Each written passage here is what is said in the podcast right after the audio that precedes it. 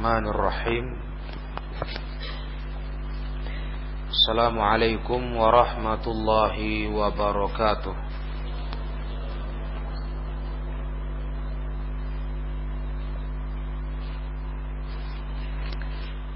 Innal hamdalillah nahmaduhu wa ونعوذ بالله من شرور أنفسنا ومن سيئات أعمالنا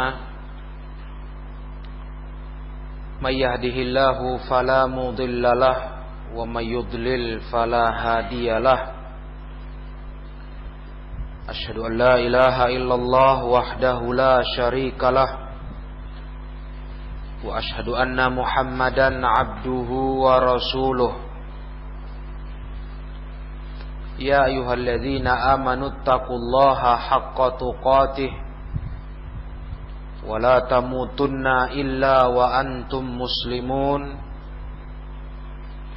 يا أيها الناس اتقوا ربكم الذي خلقكم من نفس واحدة وخلق منها زوجها وبث منهما رجالا كثيرا ونساء واتقوا الله الذي تساءلون به والأرحام إن الله كان عليكم رقيبا. يا أيها الذين آمنوا اتقوا الله وقولوا قولا سديدا. يصلح لكم أعمالكم ويغفر لكم ذنوبكم. ومن يطع الله ورسوله فقد فاز فوزا عظيما. فإن أصدق الحديث كتاب الله تعالى وخير الهدى هدى محمد صلى الله عليه وسلم وشر الأمور محدثاتها فإن كل محدثة بدعة وكل بدعة ضلالة وكل ضلالة في النار أما بعد kaum muslimin ikhwani fiddin rahimakumullah.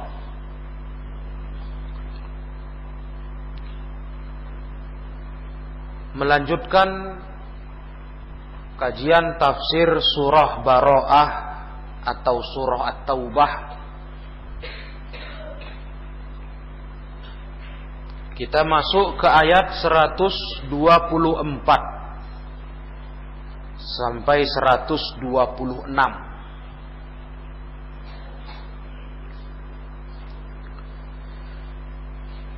Di ayat-ayat ini Allah berfirman Wa idza ma unzilat suratum faminhum may yaqulu ayyukum zadathu hadhihi imana فأما الذين آمنوا فزادتهم إيمانا وهم يستبشرون. وأما الذين في قلوبهم مرض فزادتهم رجسا إلى رجسهم وماتوا وهم كافرون. أولا يرون أنهم يفتنون في كل عام مرة أو مرتين. Summa la yatubuna walahum yazakkarun.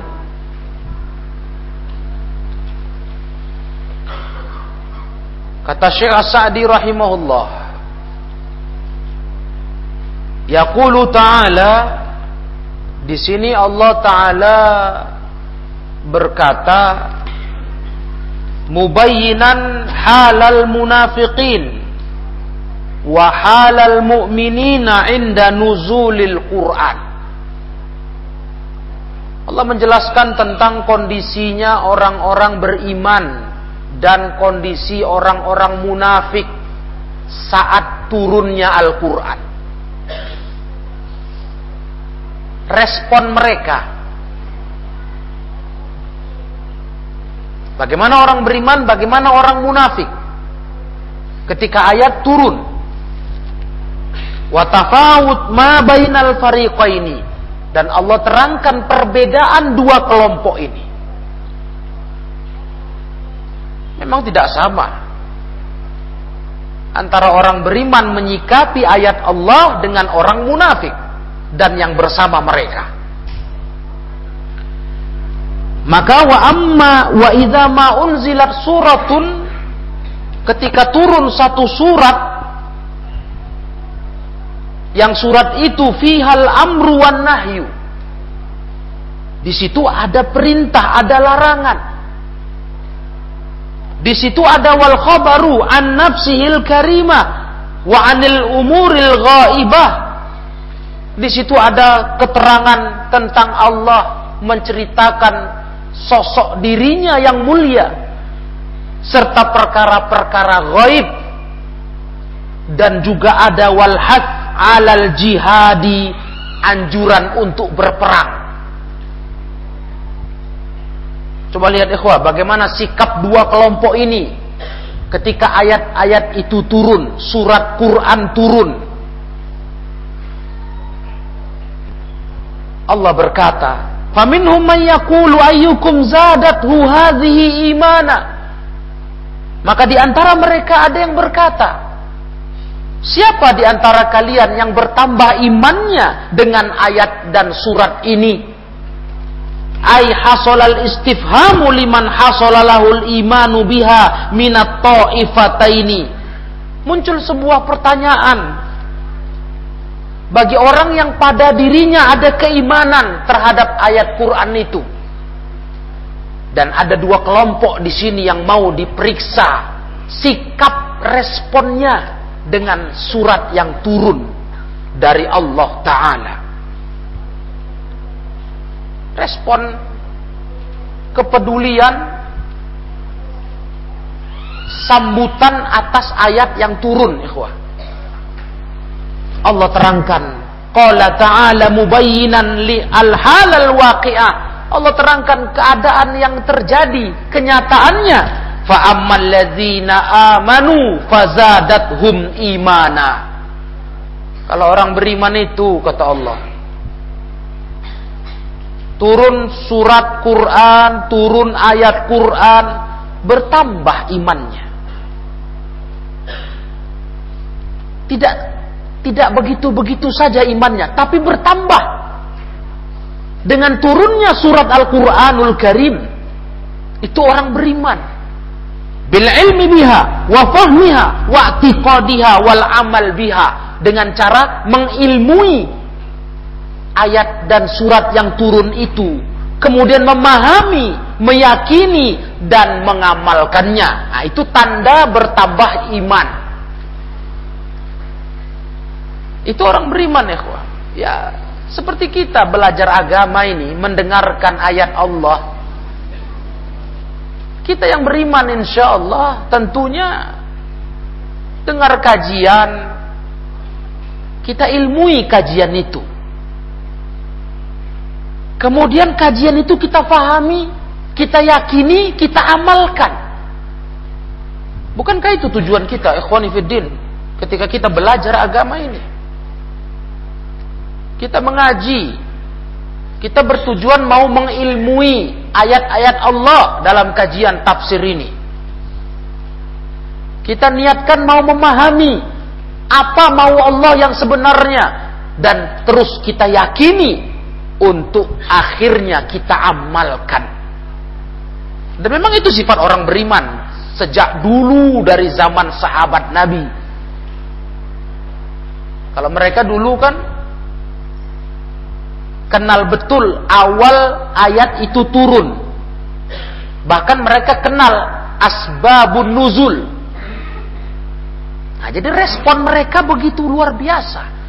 Turun ayat mereka sambut ayat itu dengan belajar.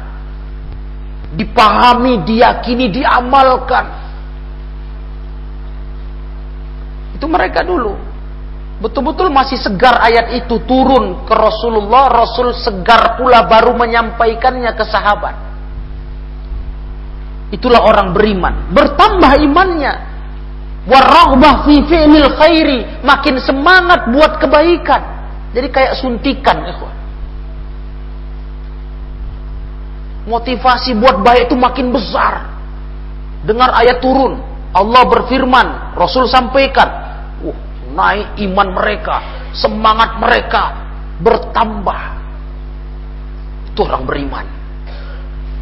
Wal inkifaf an fi'li syar, makin bisa nahan diri dari buat jahat, buat dosa.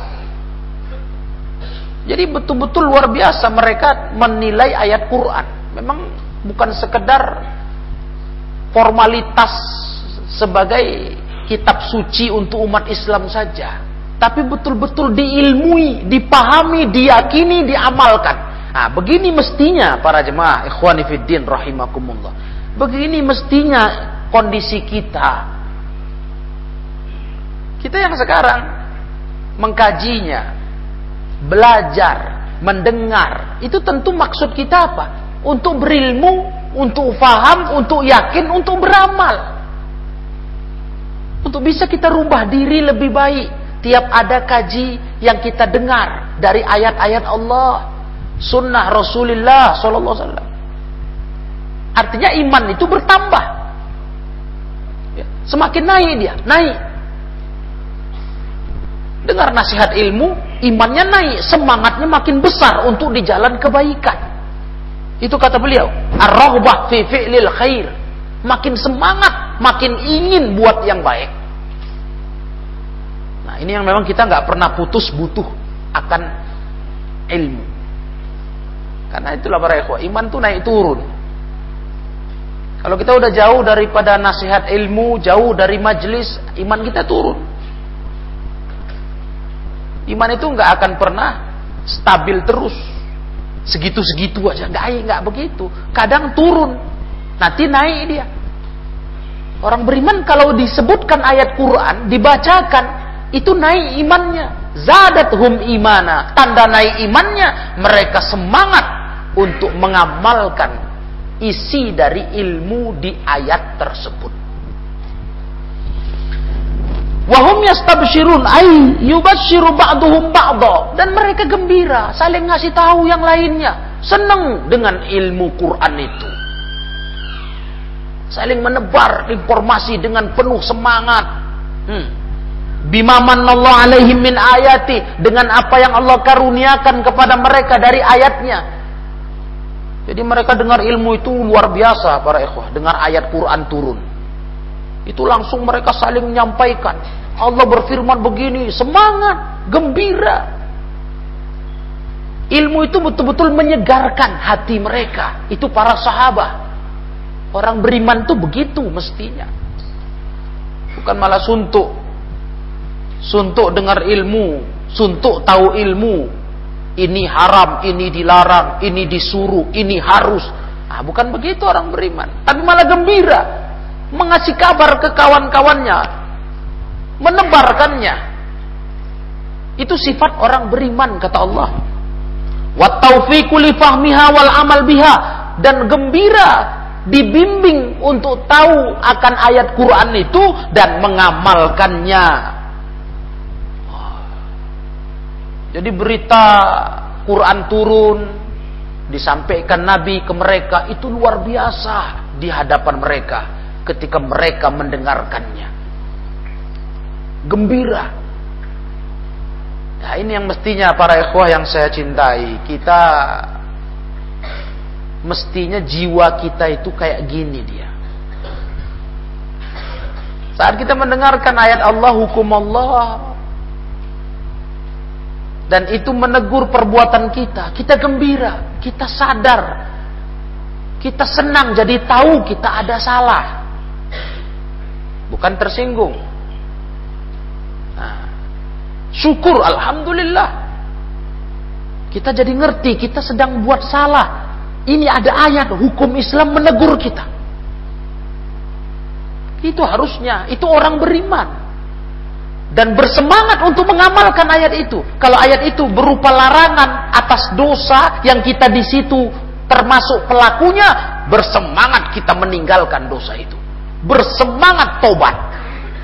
Kalau itu berupa perintah Allah Ta'ala, yang kita masih belum mengamalkannya, bersemangat mengamalkannya. Itu tanda iman bertambah. Sifat inilah para ikhwah yang mestinya kita miliki. Sebagai sifatnya orang yang beriman kepada Allah. Nah, wahada dalun alan alan syirahi sudurihim li ayatillah. Ini bukti dadanya mereka orang beriman itu lapang menerima ayat Allah, lapang.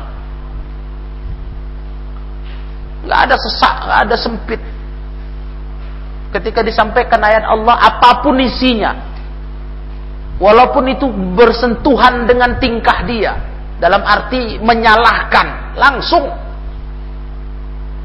langsung menyalahkan. Lapang dadanya. Ini kan kata Allah. Ayat Allah ini. Apalagi lapang dada mereka. Wa tuma'nina qulubihim. Tuma'ninati qulubihim. Hati mereka tenang mendengar ayat itu. Sekalipun ikhwani ayat itu membongkar kekeliruan yang mereka kerjakan, membongkar kesalahan mereka. Hatinya tenang, masya Allah. Ditambah lagi wasuratu wasurati wasuratin qiyadihim lima tahussuhum alaih dan mereka begitu cepat orang beriman cepat tunduk terikat dengan apa yang dianjurkan mereka kerjakan yakni langsung merasa bertanggung jawab untuk patuh. Karena yang bicara Allah. Nah ini mau Allah. Udah jelas maksudnya tafsirnya merasa harus cepat ikut harus cepat patuh tunduk. Orang beriman tuh begitu.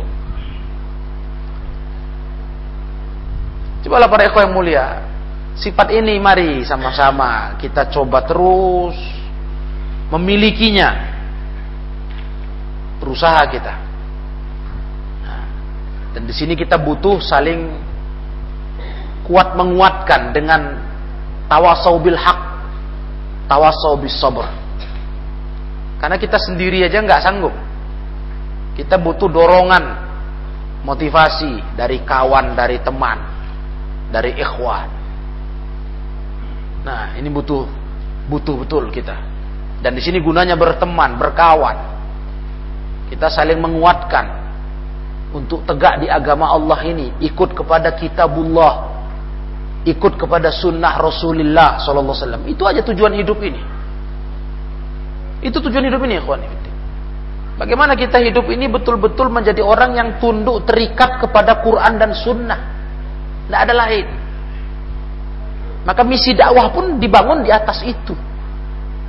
Bagaimana menyeru umat ini tunduk kepada kitab dan sunnah. Nggak ada lain. Tidak ada boleh ada ambisi-ambisi lain. Karena tujuan dakwah ini seperti itu. Mengajak umat kembali kepada kitabullah sunnah Rasulullah Sallallahu Alaihi Wasallam. Jadi nggak ada uh, rencana-rencana, program-program terselubung, nggak ada, ada.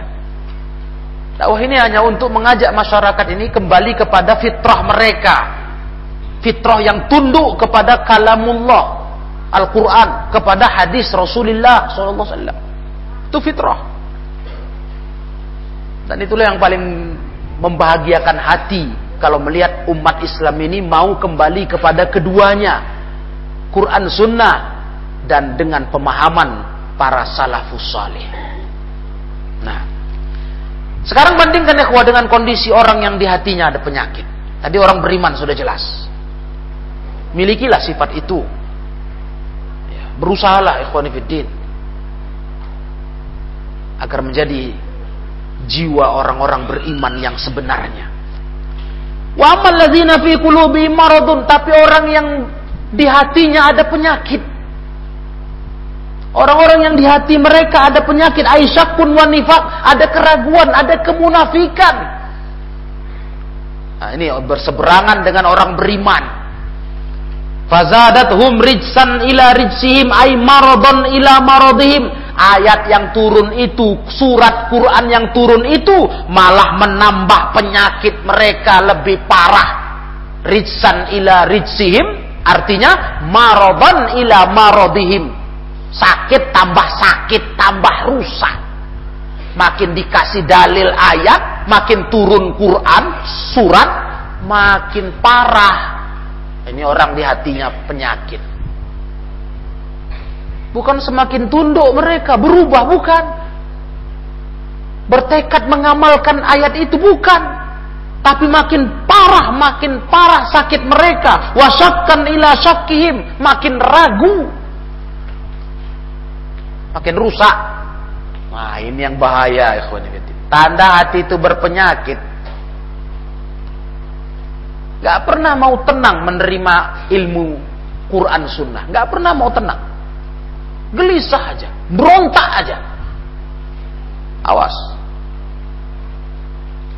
Jangan hukumi dulu orang lain. Diri kita dulu kita nilai. Ada nggak rasa itu? Berontak hati itu. Kayak nggak terima.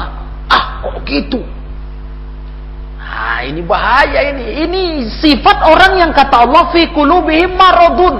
Ada penyakit di hatinya. Jadi ayat itu bikin tambah sakit dia. Tambah rusak. Makin tambah ilmu tambah rusak. Wah, mengerikan ini ikhwan yang mulia. Nah, ini yang ditakutkan itu.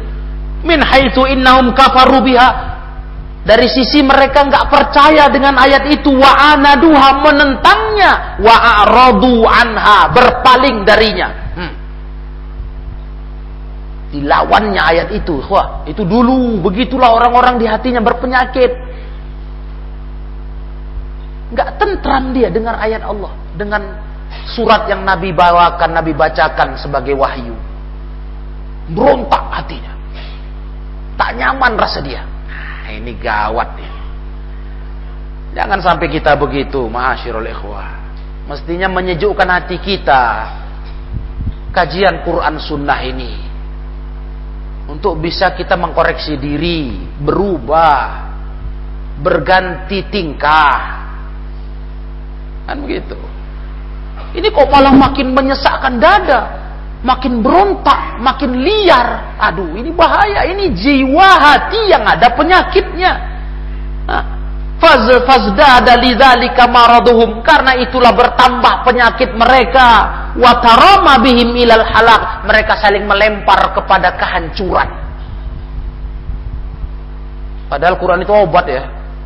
Syifaul linnas wahuda obat dan petunjuk. Tapi ini bukan makin bikin hancur, makin parah. Ah, astagfirullahaladzim. Ini bahaya betul lah kalau kondisi ini ada di diri-diri kita. Nauzubillah ya Ini peringatan keras. Karena Allah tunjukkan dua tipe manusia dalam menyikapi ayat Allah yang turun. Tipe orang beriman, tipe orang hatinya sakit. Sakit. Kita nggak maksudkan ya, ikhwanifidin yang dimuliakan Allah. Kita nggak maksudkan untuk kita menelan bulat-bulat saja tanpa boleh bertanya ketika mendengarkan ayat Allah disampaikan, surat-surat Quran dibacakan, diterangkan makna dan tafsirnya. Bukan maksudnya kita nggak boleh bertanya tentang apa maksud ayat itu begitu Sumbernya dari mana? Bukan begitu. Atau kita dipaksa harus terima bulat asalkan bunyi ayat dibacakan. Nggak begitu. Ya. Silakan Eko bertanya. Cari tahu kalau ragu dengan sebuah keterangan dari ayat dan hadis. Ya. Nah, boleh kita cari tahu. Kita boleh bertanya. Akuratkah keterangan itu? Betulkah itu tafsirnya? Kalau kita ragu, kita tanya. Nah, itu tandanya kita hatinya sehat. Nah, kalau hatinya sakit, dia hanya nolak aja. Ah, nggak cocok saya, nggak betul itu. Tanpa bertanya. Saya ragu itu, tanpa bertanya. Nah, ini nggak betul ini para Mestinya kita terbuka. Nah, kita tanya, kalau di kondisi hari kita sekarang ini, dulu kan waktu Rasulullah hidup, sahabat kan begitu. Mereka tanya, ah, ketika Rasulullah SAW membacakan ayat tentang orang-orang yang diselamatkan Allah masuk surga, walam yalba, walam yalbasu imanahum bidzulmin, enggak mencampur iman dengan kezuliman. Sahabat bingung dengar ayat itu. Ya Rasulullah, siapa di antara kita enggak zolim? Kok syaratnya berat kali? Tanya. Rasulullah terangkan. Oh, maksud zolim itu syirik. Selesai. Terobati. Karena sahabat beban. Loh, bagaimana? Untuk bisa dapat ridho Allah masuk surga jangan mencampur iman dengan kezoliman. Siapa yang nggak zolim kita hidup ini? Tapi mereka tanya, ya Rasulullah, siapa kami nggak zolim? Nah, Rasul terangkan, zolim di situ syirik. Inna syirka la zulmun azim kata Nabi. Oh itu maksudnya. Ah, bisalah kami. Kalau gitu bisa kami. Untuk menjaga iman jangan tercampur syirik. Kan begitu. Enak masalahnya, jelas. Jadi mereka nggak grundel di belakang istilahnya. Kita sekarang begitu banyaknya. Nah, mestinya kita tanya. Iya. Kalau kita meragukannya. Nah, karena ini masalahnya masalah agama yang memang harus transparan, harus jelas, sumbernya harus terang. Betul itu begitu fahamnya? Maksud Allah di ayatnya, maksud Nabi di hadisnya, gampang tanya dikaji betul, bukan hanya diragukan sendiri, ditolak tanpa argumentasi yang jelas. Nah, ini sebuah nasihat bersama, ikhwah. Nah, karena kita khawatir bersifat seperti orang yang hatinya ada penyakit. Nauzubillah. Yang akhirnya wattabu'u ala kulubihim akhirnya menjadi tabiat di hati mereka.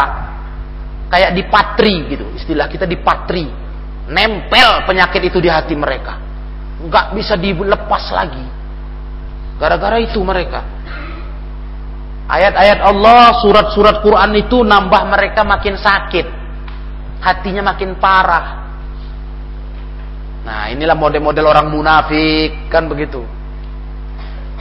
Datang ayat datang datang Quran surat Quran turun nggak makin baik penyakit hatinya. Makin rusak. Wa hatta wa matu kafirun. Akhirnya mereka mati mati kafir. Akhirnya sampai ajal menjemput nggak tobat nggak berubah. Ah nauzubillah nah ekonibidin yang mulia ketika kita melihat di zaman Nabi saja pun sahabat tanya sahabat cari kejelasan kalau ada keraguan berarti menunjukkan apa bukan sebuah kesalahan bukan sebuah kekurangan ajaran. Kita bertanya berjelas-jelas soal agama kepada yang tahu tentang masalahnya. Artinya kita nggak boleh sungkan. Hah? Dan kepada orang yang ditanya, kepada orang yang ditanya, dia nggak boleh tersinggung untuk menjelaskan hukum yang sejelas-jelasnya dan rujukannya. Nggak boleh dia merasa ini orang menentang kebenaran. Nggak boleh begitu. Ya sampaikan. Argumentasinya sampaikan dengan jelas. Nah, malah lapang dada, malah gembira kalau melihat saudaranya kaum muslimin mau bertanya masalah agama yang jelas-jelas. Hukum-hukum Allah. Terbuka. Ikhwah kita bukan seperti kelompok sufi. Kalau sufi itu udah aturan. Harus tunduk mutlak kepada guru. Tanpa ada sedikit pun boleh bantah membantah. Sufi begitu. Sampai dibahasakan mereka seorang murid di depan guru itu harusnya seperti mayat di depan yang mandikannya gawat kan berarti pasrah total mayat bisa apa Tentu suka hati yang mandikan, mau dibalik, diapain, terserah. Begitulah semua mereka punya prinsip. Dan itu nggak betul. Bukan itu adab kita. Nah, kita bukan sufi, khonifidin yang mulia. Kita ahli sunnah. Yang sangat menjunjung tinggi kebenaran, menjunjung tinggi hujah. Jadi saya ingatkan kepada ikhwah. Jangan pernah merasa ragu untuk mencari tahu kejelasan sebuah masalah hukum agama. Jangan pernah ragu. Karena tujuan dakwah ini saya ulangi sekali lagi adalah bagaimana masyarakat kembali ke Quran Sunnah. Kalau ada yang kurang jelas, tanyakan agar kembali ke Quran Sunnahnya yang jelas juga. Nah, itu malah kebahagiaan bagi kita. Ketika umat ini betul-betul cinta ilmu dengan mau tanya perinciannya, kejelasannya, betul nggak begitu pahamnya dari Quran Sunnahnya. Ya, ikhwah. Jadi biar makin saat makin kita taklim ini kita makin paham hakikat langkah dakwah salafiyah ini apa. Nah, juga supaya jangan ada lagi kesan-kesan uh, dakwah ini sama saja yang juga intinya mengajak pengkelompokan fanatisme, golongan tokoh guru. Ah, jangan samakan itu. Kita nggak kenal itu dan kita tidak sejalan dengan itu. Jangan disamakan ikhwan. Makanya kalau ada orang mengatasnamakan dakwah salaf tapi arahnya ke situ fanatisme golong golongan kelompok dan guru dakwah salaf berlepas diri darinya. Karena nggak pernah ada sejarahnya bahkan imam mazhab sekalipun. Yang kalibernya di dunia diakui imam mazhab tak satu pun nyuruh umat ini fanatik kepada mereka. Tak satu pun. Yang terus mengajak mereka berkumpul di sisinya hanya ikut omongannya. Nggak satu pun. Camkan itu. Dan ikhwah dengan mudah untuk merujuk kebenaran cakap ini tinggal buka sifat solat Nabi Syekh Albani. Baca mukodimahnya apa pesan ulama-ulama madhab itu? Mana mereka suruh kita? Ambil dari mana kami mengambil? Jelaskan ikhwah kami ngambil dari mana? Ambil kalian dari situ. Dari Quran Sunnah. Nggak ada mereka memajak orang fanatik dirinya, mazhabnya, nggak ada. Nah, itu ulama yang kaliber ilmunya diakui dunia, imam mazhab. Nah, bagaimana orang yang di bawahnya, yang tentu ilmunya nggak mungkin dibandingkan karena rendahnya, lantas berdakwah kok malah mengarah kepada fanatisme kelompok golongan dan guru. Allahul musta'an. Ini orang sudah menyimpang dari dakwah salafus salih. Hati-hati ikhwah, kalau dakwah berbau itu tinggalkan. Tinggalkan, itu nggak betul sudah. Hah. Itu mencoreng kemurnian dakwah Rasulullah dan sahabatnya yang memang mereka semuanya memfokuskan mengembalikan umat kepada Quran dan Sunnah. Itu fokusnya. Amal umat ini dihiasi dengan amalan Quran Sunnah paham sahabat. Itu dia tanpa ada apa pun tujuan-tujuan lain yang tersimpan. Nah, para jemaah yang saya muliakan, wahadhihi uqubatun lahum. Inilah hukuman untuk mereka yang hatinya berpenyakit tadi. Akhirnya sampai mati, kafir. Ayat itu nggak berguna waktu turun kepada mereka. Li'annahum kafaru bi ayatillah wa asau rasulahu. Mereka kafir kepada ayat Allah, mereka maksiati rasulnya. Nah, jadi akibat perbuatan sendiri akhirnya sampai mati nggak berubah. Fa'aqabahum nifaqan fi qulubihim ila yaumin yalqaunahu. Allah taala akhirnya sampai akhir hayat mereka Allah tutup dengan kemunafikan di hati mereka hingga hari ketemunya mereka dengan Allah sampai kiamat sampai mereka mati kiamat kecil nggak berubah-berubah sampai mereka ketemu Allah nanti di padang mahsyar. Nauzubillah. Alangkah takutnya kita ikhwani fiddin. Hidup yang sebentar ini tak kita manfaatkan untuk bisa merubah diri tunduk kepada Allah Ta'ala dan Rasulnya melalui kalamullah Al-Quranul Karim dan hadis-hadis Nabi yang sahih.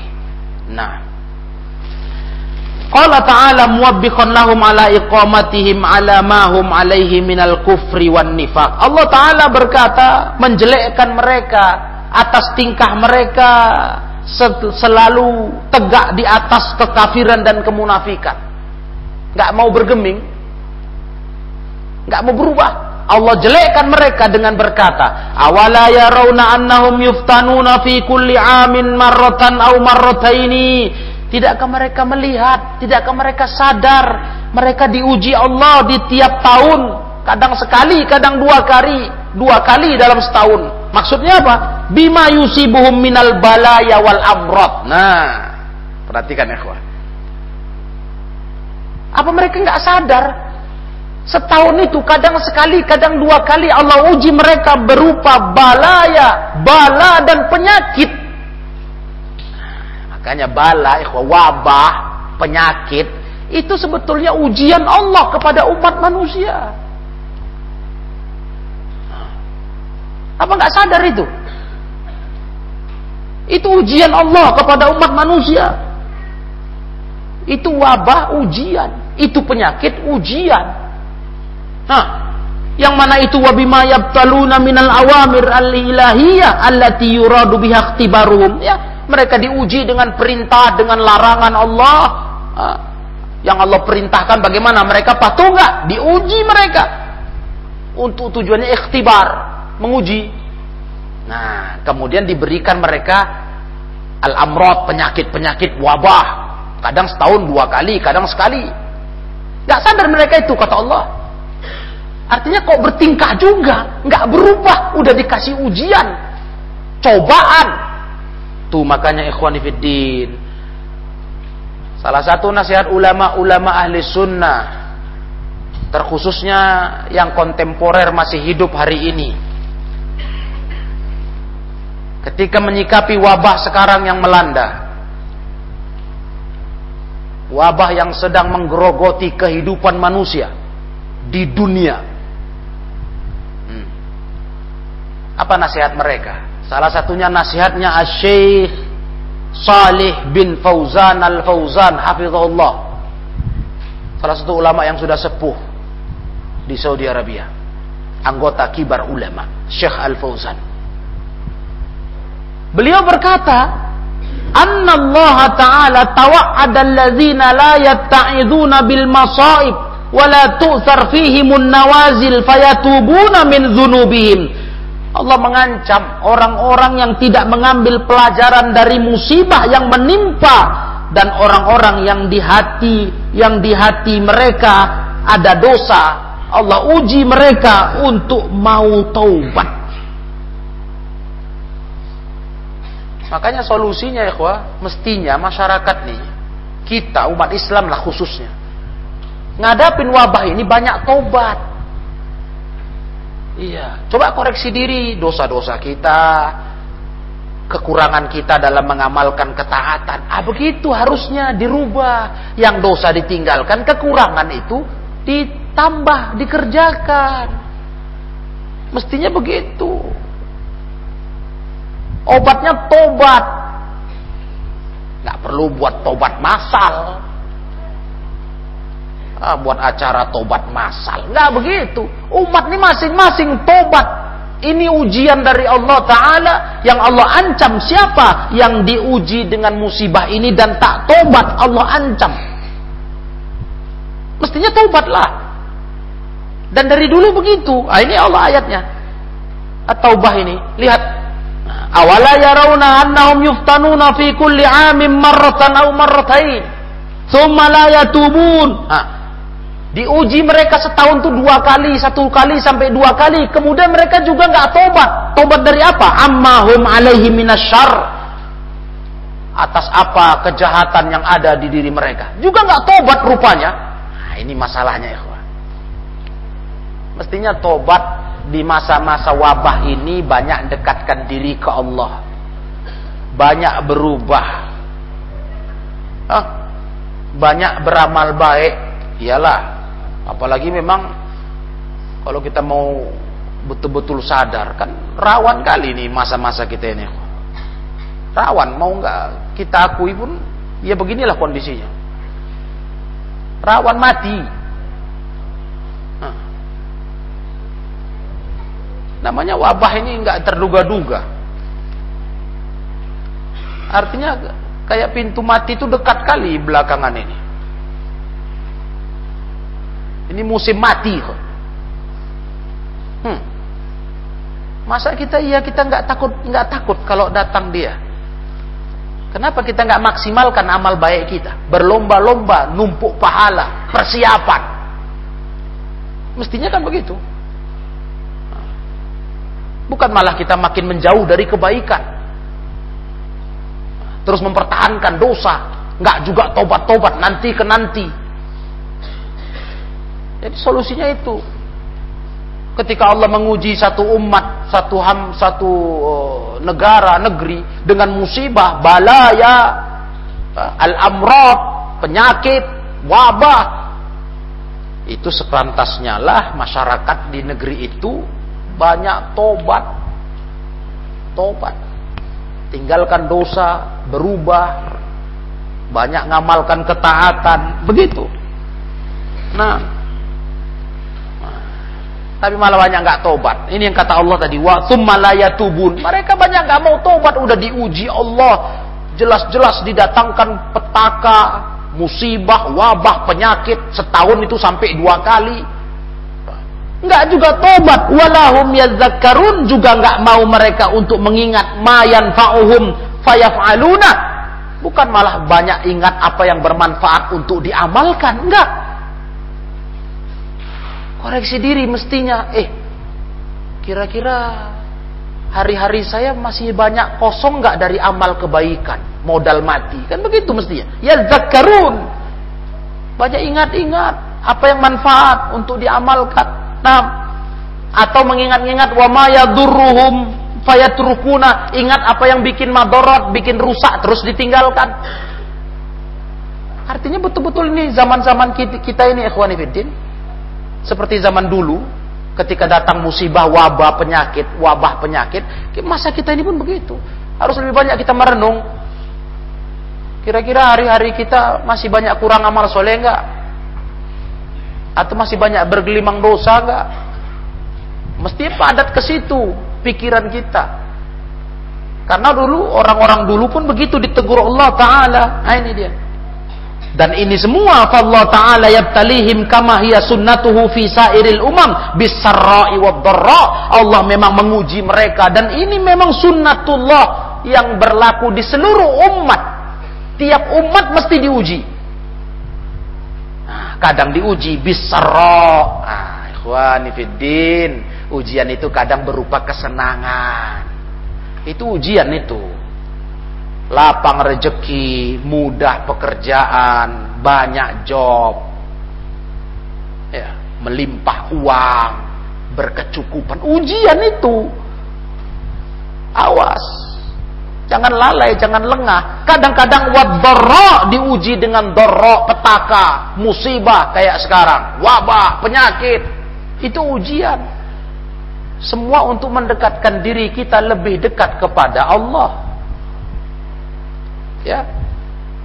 Kan memang jelas ya, Mati kan jelas memang udah ya. Jadwalnya udah pasti. Setiap kita catatan ajal sudah ada. Nah, kenapa? kita tidak manfaatkan ketika ajal itu belum tiba sampai kita ke sana, kita manfaatkan betul kesempatan hidup ini untuk betul-betul beramal soleh. Banyak tobat, banyak ngakuin dosa, tinggalkan yang dosa-dosa. Coba berlomba-lomba fastabikul khairat, kita lomba-lomba buat kebaikan. Nah itu, mestinya begitulah program hidup ya kawan. Capek. Ada kata capek.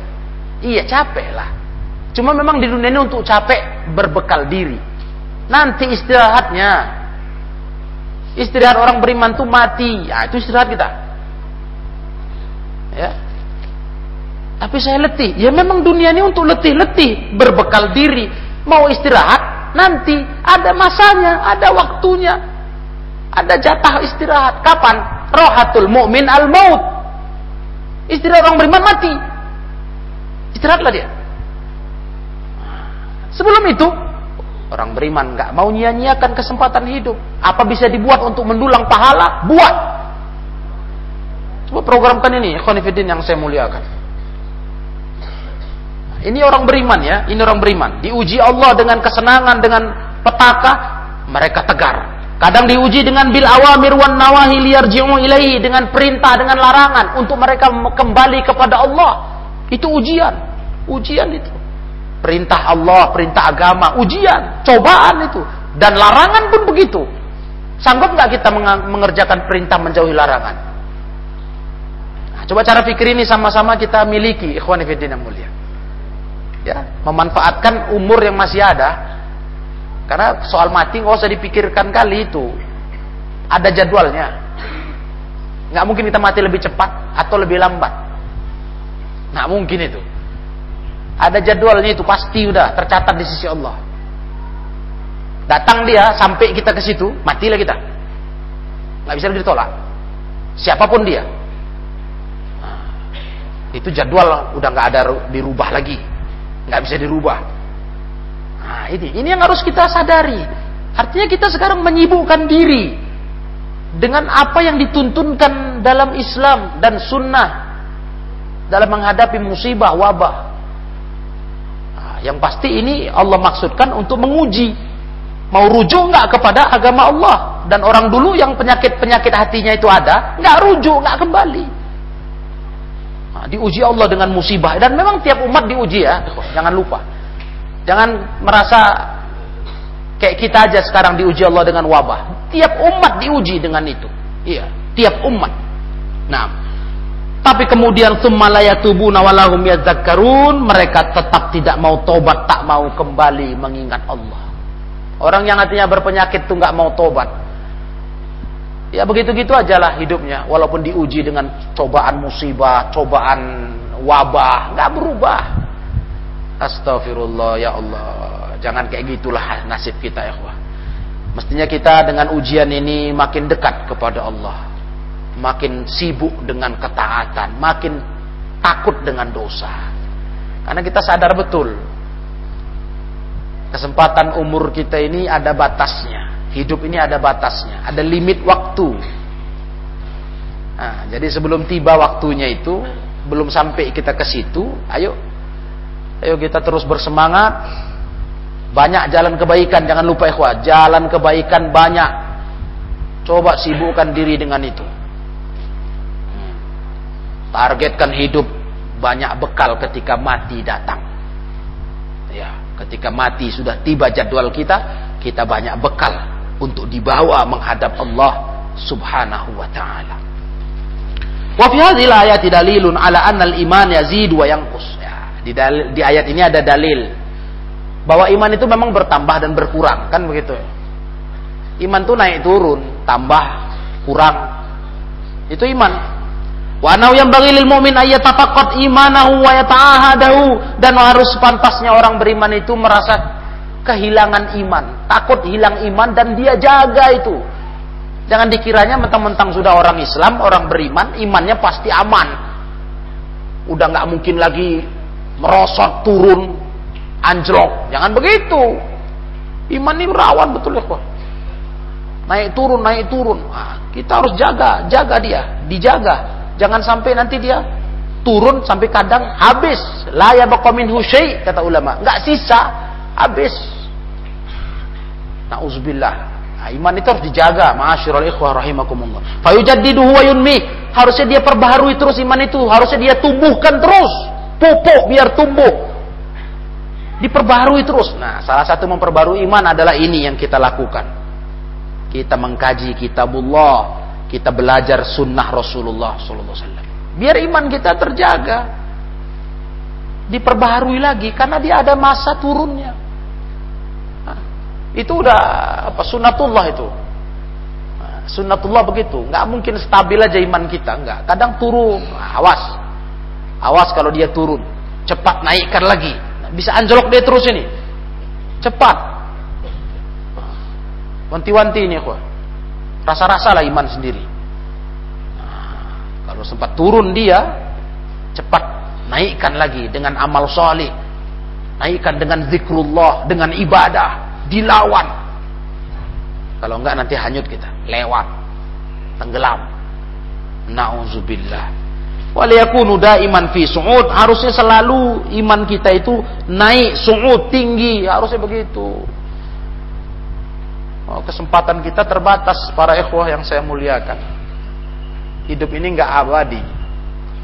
Terbatas sekali. Jadi jagalah iman ini supaya tetap naik, pelihara, bentengi, agar jangan sampai rusak dan turun seturun-turunnya.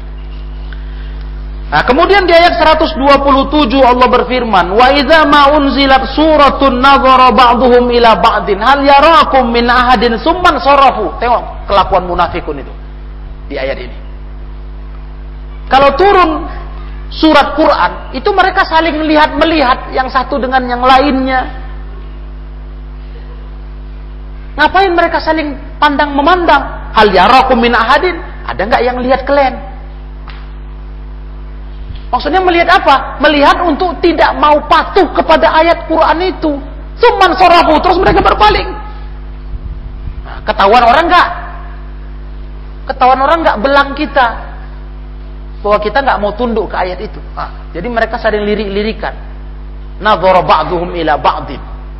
Lihat mereka, kelakuan mereka, kelanjutan ayat tadi itu. Maka ketika mereka berpaling sarafallahu qulubahum bi annahum qaumul la yafqahun, Allah palingkan hati mereka sekalian. Mereka dijadikan Allah orang yang enggak paham agama ini, enggak paham. La yafqahun. Jadi kalau udah tahu kebenaran coba bermain-main dengan kebenaran, istilahnya coba-coba untuk berpaling, akhirnya Allah palingkan sekalian, belokkan sekalian, sesat sekalian. Nauzubillah.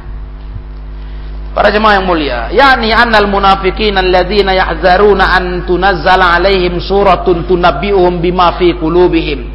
Idza nazalat suratun liyu'minu biha wa ya'malu bimatmudiha nadhara ba'duhum ila ba'din. Orang munafikun itu yang sangat takut sekali untuk diturunkan atas mereka surat yang mengkabarkan apa yang ada di hati mereka, membongkar rahasia mereka. Kan itu. At-Taubah ini kan di antaranya isi terbanyaknya membongkar hakikat tingkah munafikun kan? Nah, Allah bongkar. Mereka kan takut itu. Tiap turun surat mereka cari tahu ah ini bongkar kita enggak mereka khawatir betul. Khawatir sekali tiap ayat Quran turun ke Rasulullah SAW dan mereka untuk mereka e, kalau turun ayat itu idza nuzilat surah liyu'minu biha wa ya'malu bimatmuniha yang mana ayat itu kalau turun harusnya mereka beriman mengamalkannya tapi mereka gak minat. Dan mereka takut belang mereka dibongkar Quran. Makanya itu kalau datang turun ayat Quran nadhara ba'duhum ila ba'din mereka sering lirik-lirikan jazimina ala tarkil amal biha untuk memastikan sama-sama nggak usah mengamalkan ayat itu. Jadi udah kasih kode mereka sesamanya saling tengok-tengokan untuk memastikan sama-sama ya ingat jangan dikerjakan itu jangan diamalkan Kayak gitu kelakuannya. Jadi bersepakat di atas dosa. Memang hatinya udah rusak kan, munafikun hatinya rusak. Gak ada iman. Jadi kalau istilah kita sekarang malah bangga-bangga meninggalkan perintah, bangga-bangga buat dosa. Eh, ngeri itu ya Kemudian berusaha nyeret orang bergabung dengannya. Aduh. Udahlah bangga-bangga nggak buat perintah agama dan mengerjakan dosa salah, ini mengajak orang bergabung dengannya. Kelakuan yang mengerikan yang begini ini, nauzubillah, kelakuan munafikun. Nah, Yantazirun al-fursah fil ikhtifa anayunil mu'minin. Mereka menunggu kesempatan untuk sembunyi dari pandangan mata orang beriman. Untuk jangan dipantau, terpantau. Cari kesempatan. Ya, wa yaquluna hal yarakum min ahadin tsumman sarafu. Mereka berkata, ada nggak melihat kalian seseorang dari orang beriman? Ketahuan nggak kita nggak ngerjakan ayat itu? Nah, kayak gitu mereka. Bersekongkol munafikun itu. Kemudian mereka pun berpaling mutasallilina wangqalabu mu'ridin. Nah, mereka berpaling, berbelok, ya. Mereka semua sama-sama sepakat untuk nggak mengamalkan ayat itu. Lucu ya. Tolong menolong di atas dosa. Itulah mereka munafikun. Fajazahumullah bi'ukubatin min jinsi amalim Allah balas langsung sesuai tingkah amal mereka. Fakaman sarafu anil amal? Ketika mereka berpaling dari amalan, sarafallahu qulubahum. Allah palingkan hati mereka. Ay saddaha anil haqqi wa khadzalaha Allah palingkan dari kebenaran Allah rendahkan. Karena itu mau mereka. Ya sekalian aja. Teringat kita ayat Allah. Umay yushakikir rasul min ba'di ma tabayyana lahul huda. Wa yattabi' ghayra sabilil mu'minina nuwallihi ma tawalla siapa yang menentang rasul setelah jelas baginya kebenaran, udah tahu dia kebenaran, dia tentang. Dia ikuti jalan orang yang bukan beriman, yang tidak beriman, dia ikuti. Kami palingkan dia ke mana mau berpaling. Kami belokkan, kami sesatkan ke mana dia mau belok. Terserah. Bahaya. Orang-orang kayak gitu nasibnya bahaya. Kalau sudah Allah sesatkan, siapa mau menolong dia? Siapa mau menolong orang yang udah Allah sesatkan, ya Nggak ada yang sanggup. Karena hidayah itu milik Allah Ta'ala. Nah. Nah, ikhwan fillah rahimakumullah. Mereka bi bi annahum qaumul la yafqahun. Oh, mereka kaum yang enggak punya pemahaman fiqhan yanfa'uhum fa innahum law faqahu lakanu idza nazalat suratun amanu biha wa qadu li amriha. Allah cabut kemampuan memahami dalam otak mereka, pikiran mereka. Karena kalau mereka bisa paham, niscaya mereka kalau turun surat beriman itu kalau mereka bisa paham. Tapi mereka nggak bisa paham. Mestinya mereka beriman karena udah pasti dari Allah surat itu kan. Dari Allah dan mereka tunduk. Tapi mereka nggak paham. Memang Allah cabut pemahaman itu. Serba nggak ngerti aja rasanya memandang agama ini. Nah, tak paham aku katanya. Pokoknya payah paham dia. Nah, inilah Allah sesatkan dia di sini kenanya. Allah sesatkan dia para ikhwah. La yafqahun. Wal maksudu min hadza bayanu syiddati nufurim anil jihadi wa ghairihi min syara'il iman. Maksud dari daripada ini keterangan akan dahsyatnya bentuk larinya mereka dari jihad. Betul-betul tak mau kali jihad. Itulah salah satu khasnya orang munafik. Dan kita udah lewatkan ayat-ayatnya di At-Taubah Bagaimana mereka kalau jihad itu alasannya macam-macam biar nggak ikut. Hmm. Ya. Dan begitu pula mengamalkan syariat Islam, syariat iman, mereka betul-betul nggak mau. Berusaha terus untuk menolaknya. Kama qala ta'ala anhum sebagaimana Allah berkata tentang mereka di ayat lain, fa idza unzilat suratum muhkamatun wa dzukira qital. Kalau diturunkan surat Quran yang sudah muhkamah, udah jelas, yang disebutkan di situ perintah perang. Ada surat turun tentang perang. Akhirnya ra'aital ladzina fi qulubihim yanzuruna ilaika nadharal maghsyi 'alaihi minal maut. Kau akan dapati orang-orang yang di hatinya ada penyakit melihatmu melihat kepadamu wahai Nabi Muhammad wasallam seperti orang yang mau mati sakratul maut. Maghsyi itu pingsan, artinya sekarat kayak orang semaput ikhwah dengan ayat perang itu. Itulah mereka sangat senangnya. Jadi nengok Rasul membacakan ayat Quran itu kayak mau pingsan mereka. Begitulah mereka dengan ayat Allah. Kalau orang beriman baca dengan ayat Allah sejuk hati. Hum imana. Nah, itu orang beriman. Walaupun itu menokok mereka istilah kita. Ya betul-betul menegur, mereka senang. Senang. Tuh lihat sahabat-sahabat Nabi, turun ayat Quran tentang haramnya khamar. Ikut tahu, khamar itu kan bertahap itu. Karena memandang minuman ini sudah teramat akrab dengan masyarakat Madinah. Udah minuman harian. Begitu ayat turun yang menegaskan khamar haram, dulu semula kan masih ada ada manfaatnya, ada madorotnya. Ah, begitu turun ayat berikutnya mengharamkan, sahabat luar biasa, langsung pulang, pulang, masuk rumah, itu kendi-kendi tong-tong berisikan homer dituang di halaman rumah, di jalan-jalan, sampai becek jalan kota Madinah. Hah, nggak protes, nggak terus, ah mana bisa, mana bisa, oh, nggak gitu ya. Pulang, dalam hadis muslim langsung diambil kendi-kendi karena punya persiapan semua minuman harian itu homer itu nggak ada cakap lagi Nah, langsung pulang, diambil kendi, ditumpahkannya di halaman. Becek jalan kota Madinah.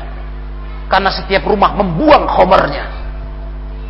Orang beriman begitu. Gak ada pembelaan lagi, gak ada cari cari cari uzur. Ah, tapi kan, tapi kan, wah, gak ada cerita. Haram kata Allah. Nabi udah sampaikan ayatnya. Pulang, selesai, habis. Tak ada lagi sisa, tak ada bertahap. ada. Nah, itu model sahabat dulu. Memang luar biasa mereka. Tunduknya ke agama ini luar biasa. Spontan. Kontan. Langsung. Nah, inilah kita berusaha. Berusaha. Berusaha untuk mampu meneladani mereka. Untuk sanggup kita yang mana dilarang agama haram tinggalkan. Berusahalah.